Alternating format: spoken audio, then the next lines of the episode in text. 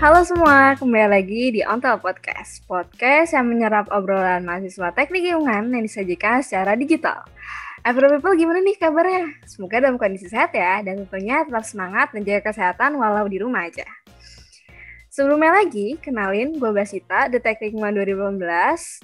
Uh, gue bakal nemenin kalian beberapa menit ke depan di segmen baru Ontel Podcast. Dan kali ini gue gak bakal sendiri gue bareng sama anak Bekasi kebanggaan gue. Siapa lagi kalau bukan Nada Nabila. Hai hai hai. Kenalin semuanya, gue Nada Nabila, biasa dipanggil Nada, dari hmm. Teknik Lingkungan Angkatan 2018. Kebetulan seangkatan juga nih sama Babas. Dan kebetulannya lagi, rumah kita juga deketan tuh, Bas. Hmm. Bogor Bekasi bisa lah ya kita kapan-kapan main. Boleh, boleh, boleh. Ah, Sumpah Bas, gue excited banget nih Bas. Kita dikasih kesempatan untuk ngobrol bareng di segmen baru Ontel Podcast ini Bas. Nah iya, segmen baru ini namanya Environmental Fact Nut. Environmental hmm, Fact hmm, ini hmm. merupakan segmen yang ngebahas informasi tentang lingkungan, baik dari segi akademik maupun informasi yang sedang berkembang di masyarakat. Wah, menarik banget ya Bas. Efek ini hadir di Ontel Podcast kita kali ini soalnya yang kayak gue tahu itu kan biasa nih ya scroll scroll IG dulu lah ya hmm. kalau malam nah hmm. kemarin gue lihat tuh di IG HMTL tuh ada ngepost tentang efek gue kira tuh bakal di post di HMTL aja tapi ternyata hadir di nuansa baru ini ya lewat podcast emang betul banget uh, terus ke, di environmental fact segment pertama ini kita mau ngebahas hmm. tentang pencemaran tanah nat di mana hmm yang disebabkan sama tumpahan minyak karena tahu sendiri kan Indonesia kondisinya masih pakai minyak sebagai komoditas utama uh, kondisinya bisa tercemar di tanah akibat hmm. ceceran, tumpahan, kebocoran atau faktor-faktor lainnya yang pastinya kondisi-kondisi tersebut bikin dampak buruk buat kesehatan manusia dan makhluk hidup lainnya. Wah, itu dulu ya, Bas. Terutama kita ya, Bas, sebagai mahasiswa teknik lingkungan, penting banget nih untuk tahu gimana sih metode-metode untuk menangani pencemaran lingkungan itu buat ke depannya lingkungan bisa kembali lagi ke kondisi yang lebih baik lagi. Oke, ngobrol tentang pencemaran tanah akibat minyak bumi nih Nat. Dari lu sendiri, hmm. ada solusi apa nih yang mau tawarin? Nah, jadi Enviro People, metode yang bakal kita bahas kali ini yaitu adalah metode rizoremediasi. Mungkin bisa tolong dijelasin dikit dulu nih, Bas. Kira-kira tuh rizoremediasi itu apa sih, Bas? Oke, rizoremediasi ini tuh merupakan metode alternatif untuk mendegradasi pencemar yang ada di tanah. Wait, wait. Hmm? Mendegradasi hmm? pencemar ya, Bas, tadi lu bilang? Mm -mm. Nah, itu gimana sih, Bas? Kok dia bisa ngedegradasi pencemar itu? Emang dia pakai apa sih, Bas? Oke, jadi si rizoremediasi ini dia manfaatin interaksi antara tumbuhan sama mikroorganisme yang hidup di tanah, spesifiknya di zona perakaran. Oh, manfaatin interaksi gitu ya? Hmm. Jadi kayak gabungan antara fitoremediasi sama bioremediasi gitu nggak sih? Ya betul, gabungin dua aspek tersebut. Uh, buat ngingetin aja, bioremediasi hmm. itu cara degradasi uh, pencemaran di tanah uh, dengan cara yang lebih sederhana dan gak berbahaya. Oh, oke okay, oke. Okay. Tadi kan juga ada fitur remediasi nih, Bas. Yeah. Nah, buat mengingatkan kembali nih ke Enviro People, Bu, fitur remediasi itu apa sih, Bas? Oke, fitur remediasi itu sebenarnya mirip sama bi bioremediasi, nah, tapi oh, ha -ha. si bioremediasi kan pakai mikroba aja, tapi kalau fitur remediasi ini pakai tanaman. Jadi dalam prosesnya si tumbuhan dan mikroorganisme mereka ngejalin hubungan simbiosis mutualisme. Oh, jadi mereka ada hubungan khusus spesial gitu ya, Mas ya? Mm -hmm, hubungan with benefit gitu lah. benefit banget nggak tuh? Bener buat ngelurusin nih ya. Benefitnya tuh gimana sih, Bas? Uh, jadi si tanaman ini nyediain hmm. ruang dan lingkungan untuk hidup si mikroba yang nguntungin mikroba buat uh, hidup di area akarnya.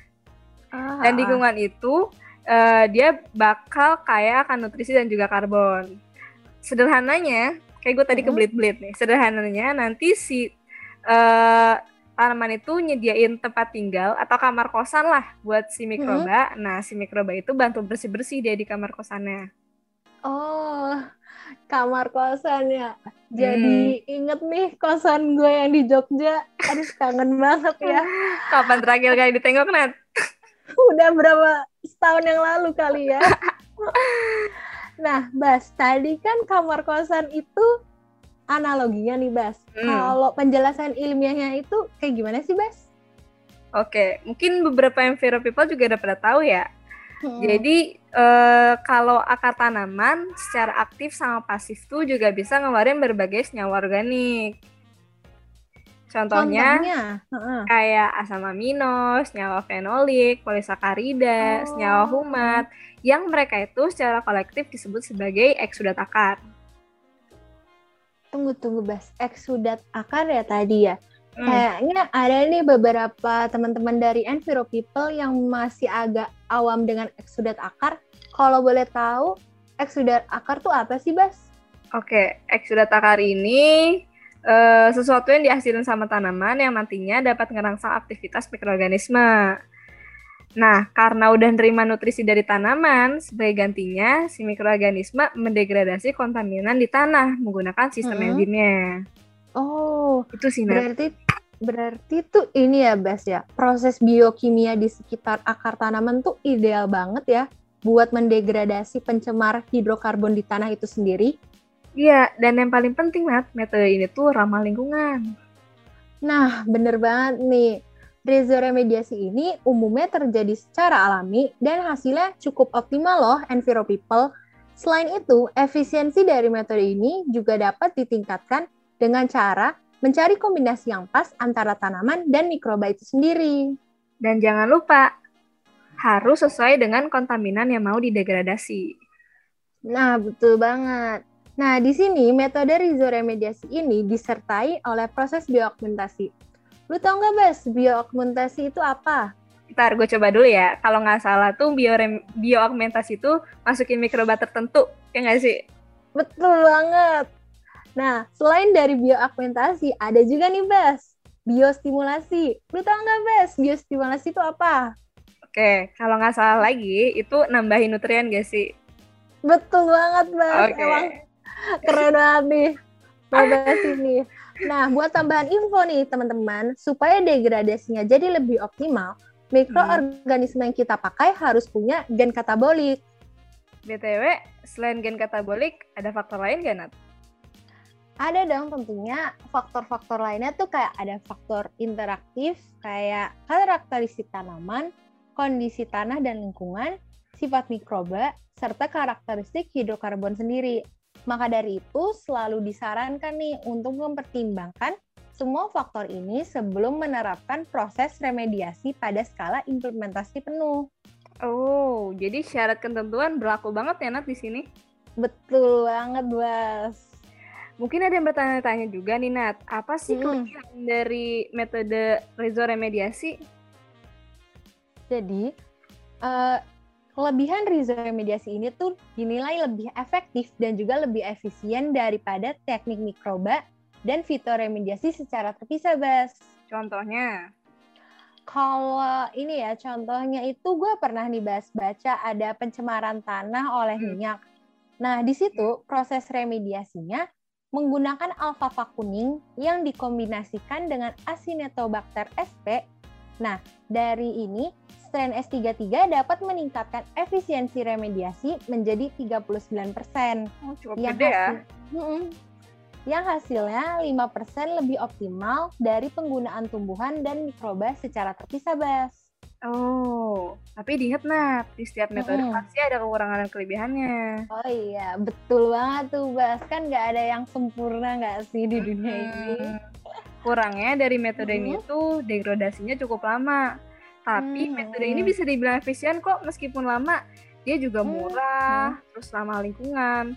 Gak heran kenapa metode ini disebut sebagai metode alternatif yang cukup baik. Wah, paket hemat banget gak sih, Bas? Udah murah, ramah lingkungan lagi. Mm-mm, bener banget, paket hemat.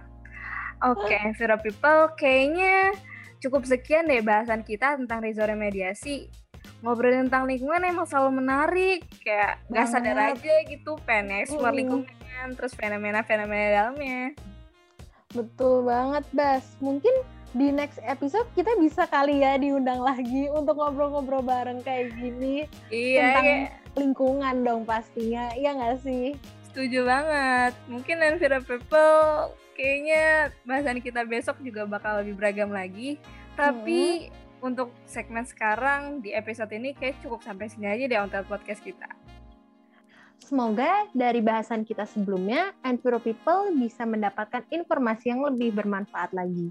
Jangan lupa juga buat follow Ontel Podcast di Spotify karena banyak banget bakal ada obrolan-obrolan seru lainnya. Sampai ketemu di episode selanjutnya. Dadah! Dadah.